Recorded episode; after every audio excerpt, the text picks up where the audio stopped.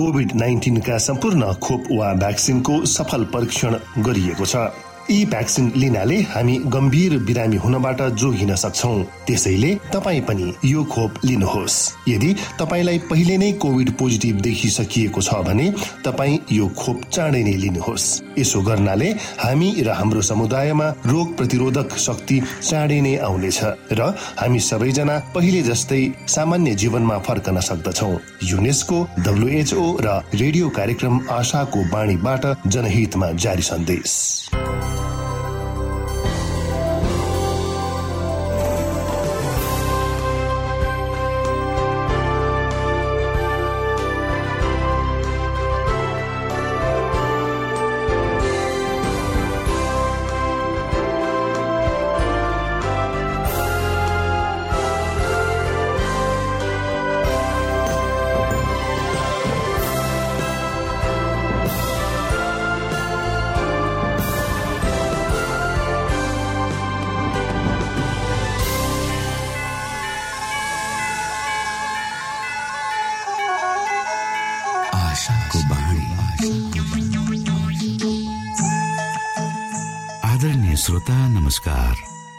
समय तपाईँ Adventist world रेडियोको प्रस्तुति भोइस अफ होप आशाको बाणी कार्यक्रम सुन्दै हुनुहुन्छ।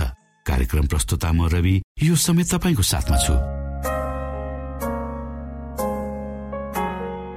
मानव जातिमा देखाइएको परमेश्वरको प्रेम र अनुग्रह तपाईँसँग बाँड्ने उद्देश्यले तपाईँकै आफ्नै प्रिय कार्यक्रम आशाको बाणीमा यहाँलाई हामी न्यानो स्वागत गर्दछौ।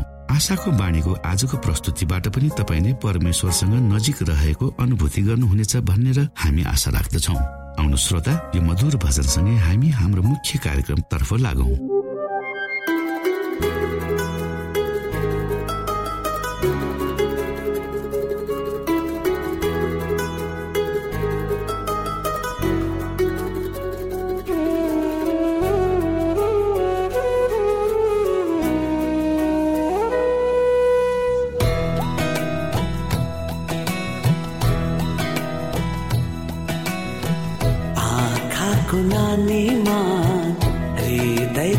झुकझुकीमा आँखाको नानीमा हृदयको झुकझुकीमा रातमा यसो तिमीलाई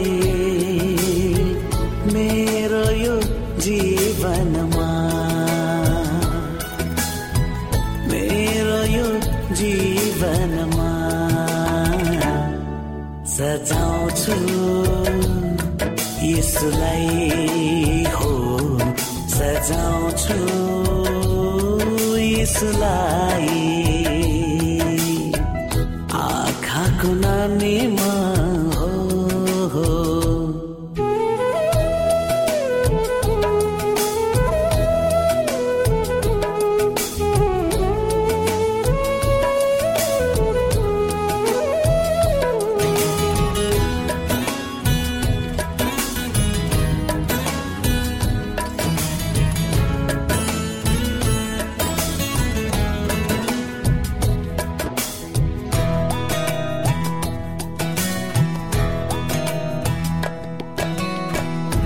सफलताको पाइलामा सफल बनाए हिँड्न मलाई सिकाइदियो।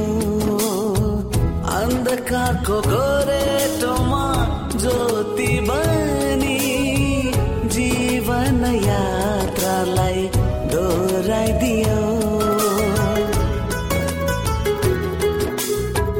असफलताको पाइलामा सफल बनाए हिँड्न मलाई सिकाइदियो अन्धकारको गोरेटोमा ज्योति बनी जीवन यात्रालाई दोहोऱ्याइदियो मेरो पुकारहरूलाई हो हो।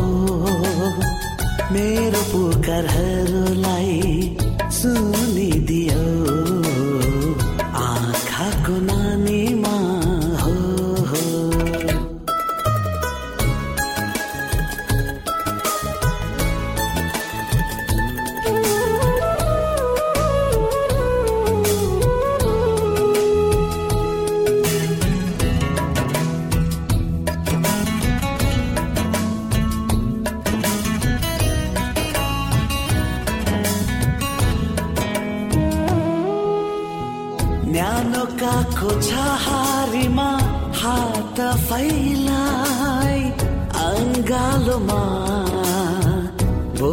बोलाइदियो मेरो दैनिक जीवनको जुनै परिस्थितिमा सहारा बनी आइदियो। हो न्यानो काको छहारीमा हात फैलाई अङ्गालोमा बोलाइदियो। दैनिक जीवनको जुनै परिस्थितिमा सहारा बनी आइदियो। मेरो प्रेमी यसुलाई हो हो। मेरो प्रेमी यसुलाई सधैँ माया गर्छु। आँखाको नानीमा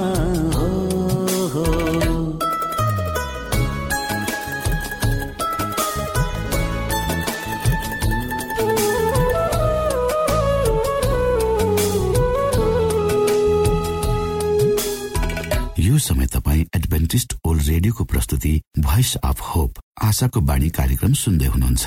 श्रोता मित्र यो समय हामी पास्टर उमेश पोखरेलबाट आजको बाइबल सन्देश सुन्नेछौ।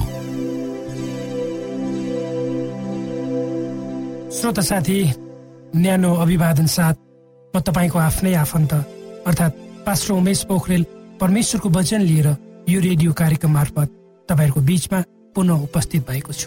श्रोता आउनुहोस् तपाईँ हामी केही समय परमेश्वर सँगसँगै बिताउनेछौँ। मलाई आशा छ तपाईँले हाम्रा कार्यक्रमहरूलाई नियमित रूपमा सुन्दै हुनुहुन्छ र परमेश्वरको प्रशस्त आशिषहरू प्राप्त गर्दै हुनुहुन्छ। श्रोता यदि तपाईँका कुनै जिज्ञासाहरू छन् कुनै कुरा तपाईँ हामीसँग बाँड्न चाहनुहुन्छ वा परमेश्वरले तपाईँको जीवनमा कसरी अगुवाई गर्नुभयो भन्ने कुरा हामीलाई बाँड्न चाहनुहुन्छ भने कृपया गरेर हाम्रो पत्र व्यवहारको ठेगानामा हामीलाई लेखेर पठाइदिनु भयो भने हामी तपाईँप्रति धन्यवादी हुनेछौँ। आजको प्रस्तुतिलाई पस गर्नुभन्दा पहिले आउनुहोस् हामी परमेश्वरमा अगुवाईको लागि बिन्ती राख्नेछौँ। जीवित जिउँदो महान दयालु परमेश्वर प्रभु हामी धन्यवादी छौँ। यो जीवन र यो जीवनमा दिनुभएका प्रशस्त आशिषहरूको लागि। प्रभु यो रेडियो कार्यक्रमलाई म तपाईँको हातमा राख्दछु। यसलाई तपाईँको राज्य र महिमाको प्रचारको खातिर यो देश र सारा संसारमा पुर्याउनुहोस् ताकि धेरै मानिसहरूले तपाईँको वचनद्वारा बाँच्ने आशा प्राप्त गर्न सक्नुहोस् र जीवनको ज्योति उहाँहरूले पाउन सक्नु। सबै बिन्ती प्रभु यीशुको नाममा। आमेन।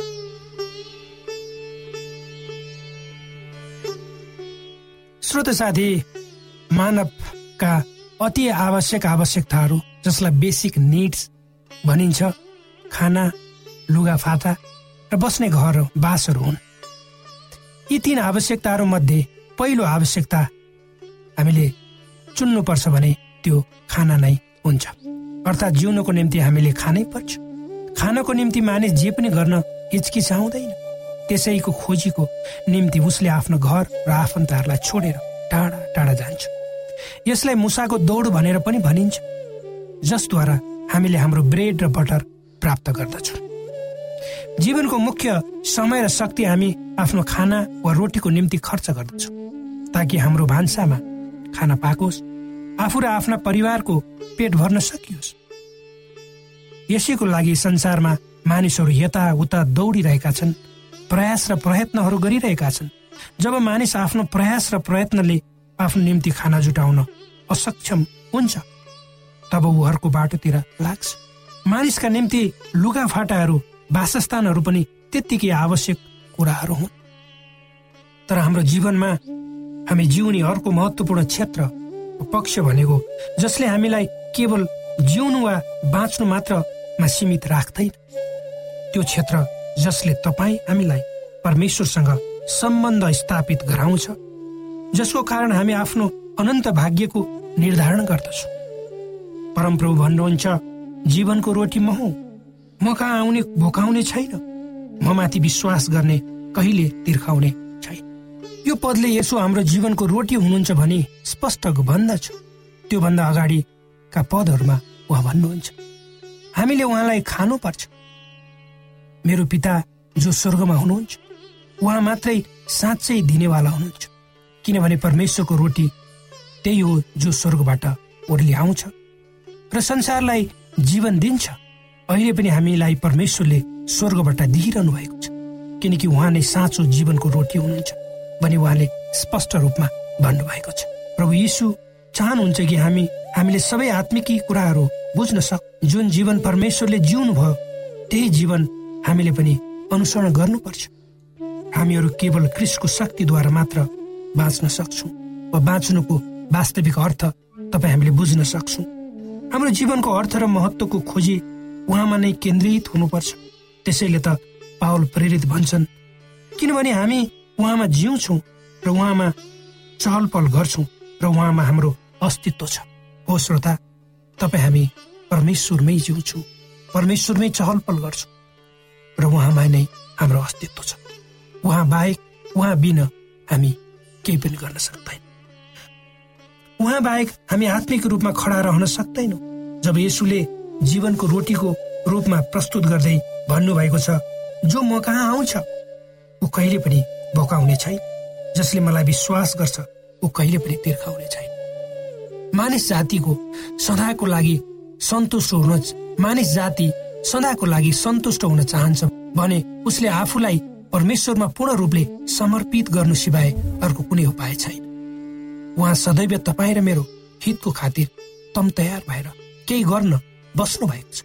र हाम्रो विश्वास अनुसार हाम्रो विश्वास र त्यस अनुसारको आचरण र व्यवहारले हामीलाई उहाँले दिन प्रतिदिन आफ्नो बाटोमा डोर्याउनुहुन्छ जब तपाईँ हामी आफ्नो दिनको सुरुवात केही खाना खाएर गर्छौँ वा ब्रेकफास्ट गर्छौँ त्यसै गरी हामीले आफ्नो आत्मिकी भोकलाई पनि प्रत्येक दिन परमेश्वरको सङ्गतिद्वारा मेट्नु वा तृप्त पारिनुपर्छ पार्नुपर्छ श्रोता साथी रुपियाँ पैसा प्रतिको प्रेमलाई सबै किसिमका खराबीहरूको जरो भनेर मानिन्छ वा भनिन्छ।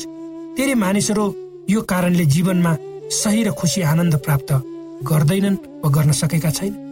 उनीहरूको जीवनको प्रमुखता भनेको आफू कमाउने आनन्द गर्ने र क्षणिक जीवन यात्रामा अगाडि बढ्ने रमाउने मात्र साँचो खुसी भनेको त तपाईँसँग जे छ त्यसमा।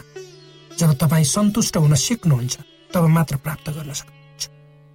वास्तवमा भन्ने हो भने रुपियाँ पैसा मात्र हाम्रो जीवनको मुख्य लक्ष्य हुनुहुन्न जसले हामीलाई जीवनको महत्व र अर्थ दिन सक्दै वा बुझाउँदैन। तर यो जीवन जिउनको निम्ति पैसा चाहिन्छ र पैसा नै जीवनको लक्ष्य भने हुनु हुँदैन र होइन पनि। तर समस्या कहाँ छ भने जब हामी अरूको देखासेकी गर्छौँ हामीलाई नचाहिए तापनि ती कुराहरूको हामी चाहना गर्छौँ। मानिस असन्तोषी प्राणी। जति भए पनि उसलाई पुग्दैन। र ऊ आफै प्राप्त गर्ने चाहनामा दौडिरहन्छ। त्यसको निम्ति ऊ सबै किसिमका प्रयत्न र प्रयासहरू गर्न पछि पर्दैन त्यसरी त मानिस आफूसँग भएका कुराहरूप्रति खुसी पनि हुँदैन हामीसँग जे छ त्यसलाई सम्हाल्ने र त्यसमा सन्तुष्ट भएर अरूसँग जे छ त्यसको सम्बन्धमा ख्याल नगर्ने बानी हामीले बसायौँ। निश्चय नै हाम्रो जीवन केही सहज हुने थियो होला। निश्चय नै श्रोता हाम्रो अस्वस्थ प्रयासले हामीलाई अन्तत गत्वा दुःख चिन्ता र फिर्कीमा नै पुर्याउँछ र हाम्रा असीमित चाहनाहरू प्राप्त गर्ने प्रयासमा हामीले गर्ने क्रियाकलापहरूले हामीलाई समस्यामा पार्छ र हामी परिरहेका छौँ होइन त?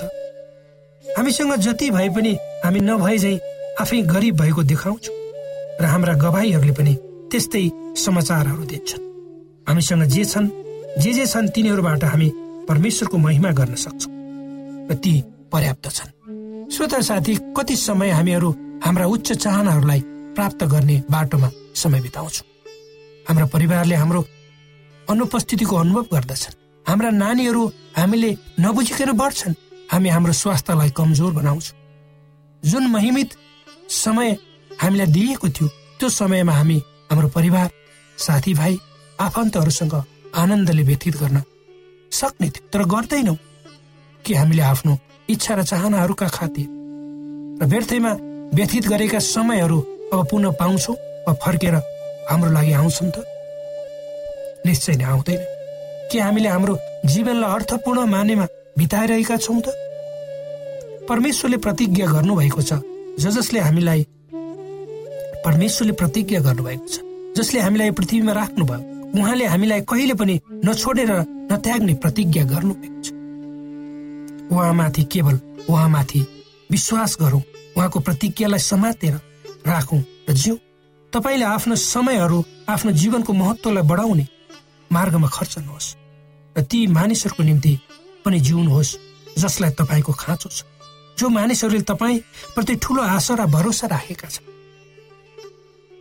र तपाईँको सानो प्रयासले ती हताश र निराश भएका मानिसहरू जसले बाँच्नुको अर्थ थाहा नपाएर जीवनलाई व्यर्थैमा सिद्ध्याउनेछन् तिनीहरूमा आशाको एउटा किरण वा ज्योति बल्नेछ उनीहरूको हृदयमा र उनीहरूले बाँच्ने ऊर्जा प्राप्त गर्नेछन्। प्रत्येक दिनलाई तपाईँले नयाँ सुरुवातको रूपमा लिनुहोस् र यो सम्झनुहोस् कि उहाँको ठुलो आशिष तपाईँले प्राप्त गर्न बाँकी नै छ। त्यसैले पवित्र धर्मशास्त्र बाइबलको हिब्रू तेह्र अध्यायको पाँच पदमा परमेश्वर भन्नुहुन्छ। तिमीहरूका जीवन रुपियाँ पैसाको मोहबाट अलग राख। तिमीहरूसँग भएका कुरामा सन्तुष्ट बस। किनकि उहाँले भन्नुभएको छ म तिमीहरूलाई कुनै रीतिले छोड्ने छैन म तिमीहरूलाई त्याग्ने छैन। हो श्रोता साथी यी संसारमा भएका सबै कुराहरू क्षणिक छन्।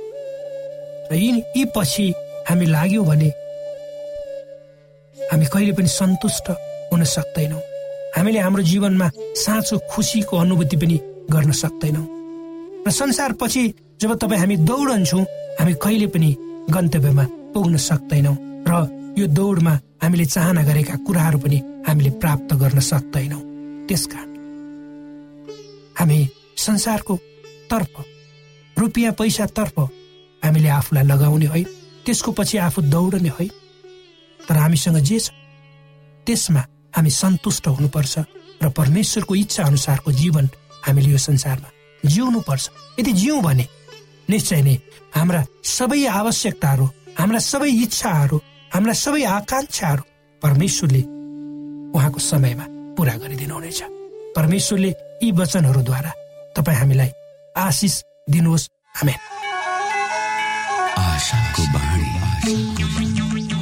श्रोता भर्खरै यहाँले पास्टर उमेश पोखरेलबाट बाइबल वचन सुन्नुभयो। यो समय तपाईँ एडभेन्टिस्ट ओल्ड रेडियोको प्रस्तुति भोइस अफ होप आशाको बाणी कार्यक्रम सुन्दै हुनुहुन्छ। कार्यक्रम सुनेर बस्नुहुने सबै श्रोतालाई हामी हाम्रो कार्यक्रममा स्वागत गर्न चाहन्छौ। श्रोता मित्र यदि तपाईँ जीवनदेखि हरेस खानु भएको छ तपाईँका जीवनमा धेरै अनुत्तरित प्रश्नहरू छन् भने आउनुहोस् हामी तपाईँलाई परमेश्वरको ज्योतिमा डोहोऱ्याउन चाहन्छौँ र तपाईँ आफ्नो जीवनका चिन्ता फिक्रीबाट निश्चिन्त हुनुहोस् र बाँच्नुको आनन्द परमेश्वरको सामिप्यमा कति मिठो हुन्छ त्यो चाख्नुहोस् भनी हामी चाहन्छौँ। श्रोता यदि तपाईँ आशाको बाणी कार्यक्रमलाई अनलाइन सुन्न चाहनुहुन्छ वा डाउनलोड गर्न चाहनुहुन्छ भने डब्लु डट एडब्लुआर डट ओआरजीमा जानुहोस्। त्यहाँ तपाईँले प्रत्येक दिनको कार्यक्रम सुन्न र डाउनलोड गर्न सक्नुहुनेछ। हाम्रो वेब पेज यस प्रकार छ W W W dot AWR dot ORG श्रोता यदि तपाईँ हामीसित सिधै फोनमा सम्पर्क गर्न चाहनुहुन्छ भने हाम्रा नम्बरहरू यस प्रकार छन्। अन्ठानब्बे एकसाठी पचपन्न शून्य एक सय बिस अन्ठानब्बे एकसाठी पचपन्न शून्य एक सय बिस र अर्को अन्ठानब्बे अठार त्रिपन्न पन्चानब्बे पचपन्न. अन्ठानब्बे अठार त्रिपन्न पन्चानब्बे पचपन्न. श्रोत साथी न्यानो अभिवादन म पास्टर उमेश पोखरेल तपाईँहरूको बिचमा स्वास्थ्य सम्बन्धी केही जानकारी लिएर उपस्थित भएको छु। र आजको शीर्षक छ सिङ्गार सिगान भन्ने बित्तिकै छिया भन्ने चलन छ। सबैले यसलाई फोहोर पदार्थको रूपमा लिन्छ तर यो मानिसको स्वास्थ्यको लागि आवश्यक पदार्थ हो भन्ने कुरा धेरैलाई थाहा नहुन सक्छ। यसले जीवाणुहरू र धुलो र अन्य फोहोर पदार्थलाई फोक्सोमा छिर्न दिँदैन। नाक र घाँटीको ग्रन्थीले दैनिक एक पोइन्ट पाँच लिटर सिँगान उत्पादन गर्छ। यसले नाकलाई सुक्खा हुनबाट जोगाउँछ। सिँगानमा ग्लाइको प्रोटिन पानी antiseptic enzyme antibodies antiseptic enzyme antibodies र इलेक्ट्रोलाइट जस्ता विभिन्न पदार्थहरू पाइन्छ सिगानको रङ्ग र परिणामले मानिसको स्वास्थ्यलाई प्रतिनिधित्व गर्दछ।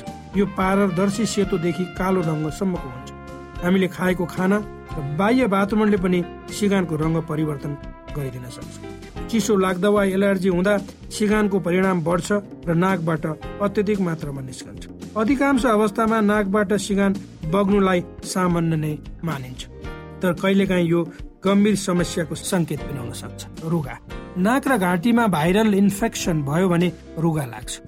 एक अध्ययनका अनुसार एक सय भन्दा बढी भाइरसका कारण रुगा लाग्छ। भाइरसले नाक र घाँटी नाक घाँटी र फोक्सोमा आक्रमण गर्यो भने रुगा लाग्छ। यो वयस्क भन्दा पनि बालबालिका र वृद्ध वृद्धहरूको लागि बढी खतरनाक हुन्छ। रुगा लाग्दा थप म्युकस उत्पादन हुन्छ। भाइरसहरूलाई फोक्सो र शरीरको अन्य भागमा जानबाट रोक्न शरीरले थप म्युकस उत्पादन गर्छ। यी मध्ये केही सिगानको रूपमा बाहिर आउँछ। एलर्जी। केही वस्तुको एलर्जीको कारणले सिगान आउँछ। धुलो धुवा रौँ जस्ता वस्तुको कारण मानिसलाई एलर्जी हुन सक्छ। अर्को साइनोसाइटिस। नाकको मार्ग सुनिएको छ भने यस्तो हुन्छ। यसले नाकको मार्ग साँगुरो बनाउँछ यसले श्वास फेर्न असजिलो बनाउँछ र सिगान बढाउँछ। साइनोसाइटिक्स हुँदा बाक्लो सिगान बग्छ। यो पहेँलो र हरियो रङ्गको हुन सक्छ। अन्य कारणहरू। ठेउला हुँदा गर्भवती हुँदा तथा लागु पदार्थ दुर्वसिनीमा पनि सिगान आउने सम्भावना शरीरको अन्य भागमा पनि सिगान हुन सक्छ। म्युकस नाकबाट मात्र उत्पादन हुँदैन।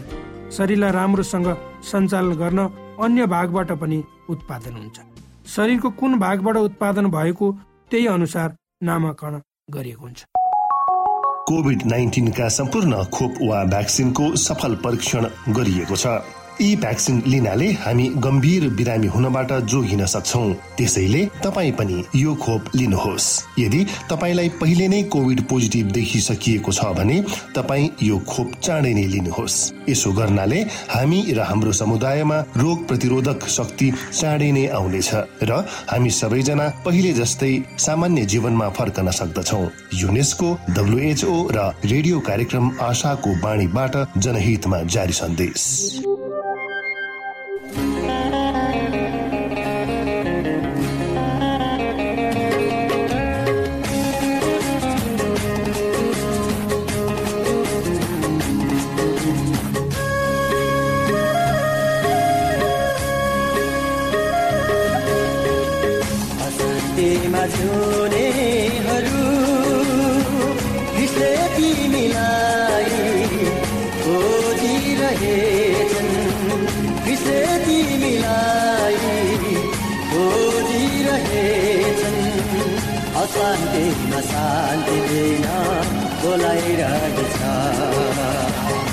अशान्तिमा शान्ति दिन बोलाइरहेछ अशान्तिमा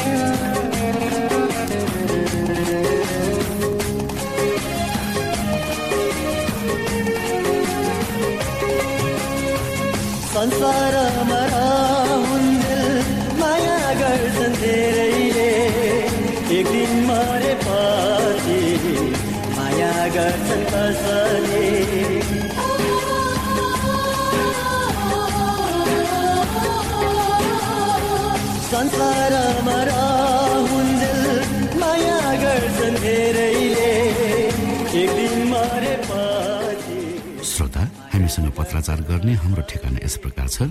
आशाको बाणी पोस्ट बक्स नम्बर दुई शून्य शून्य शून्य दुई काठमाडौँ नेपाल। श्रोता यदि तपाईँ हाम्रो स्टुडियोको नम्बरमा सम्पर्क गर्न चाहनुहुन्छ भने हाम्रा नम्बरहरू यस प्रकार छन्। अन्ठानब्बे एकसाठी पचपन्न शून्य एक सय बिस। अन्ठानब्बे एकसाठी पचपन्न शून्य एक सय बिस। र अर्को अन्ठानब्बे अठार त्रिपन्न पन्चानब्बे पचपन्न। अन्ठानब्बे अठार त्रिपन्न पन्चानब्बे पचपन्न। हाम्रो इमेल एड्रेस यस प्रकार छ Nepal at AWR dot ORG यदि तपाईँ हामीलाई अनलाइन सुन्न चाहनुहुन्छ वा डाउनलोड गर्न चाहनुहुन्छ भने तपाईँ डब्लु डट एडब्लुआर डट ओआरजीमा जानुहोस् र त्यहाँ तपाईँले हाम्रो सबै कार्यक्रमहरू सुन्न सक्नुहुनेछ। हवस् त श्रोता भोलि फेरि यही स्टेशन र यही समयमा यहाँसँग भेट्ने आशा राख्दै प्राविधिक साथी राजेश आडा पास्टर उमेश पोखरेल र कार्यक्रम प्रस्तुता म रवि यहाँसँग विदा माग्दछौ। नमस्कार।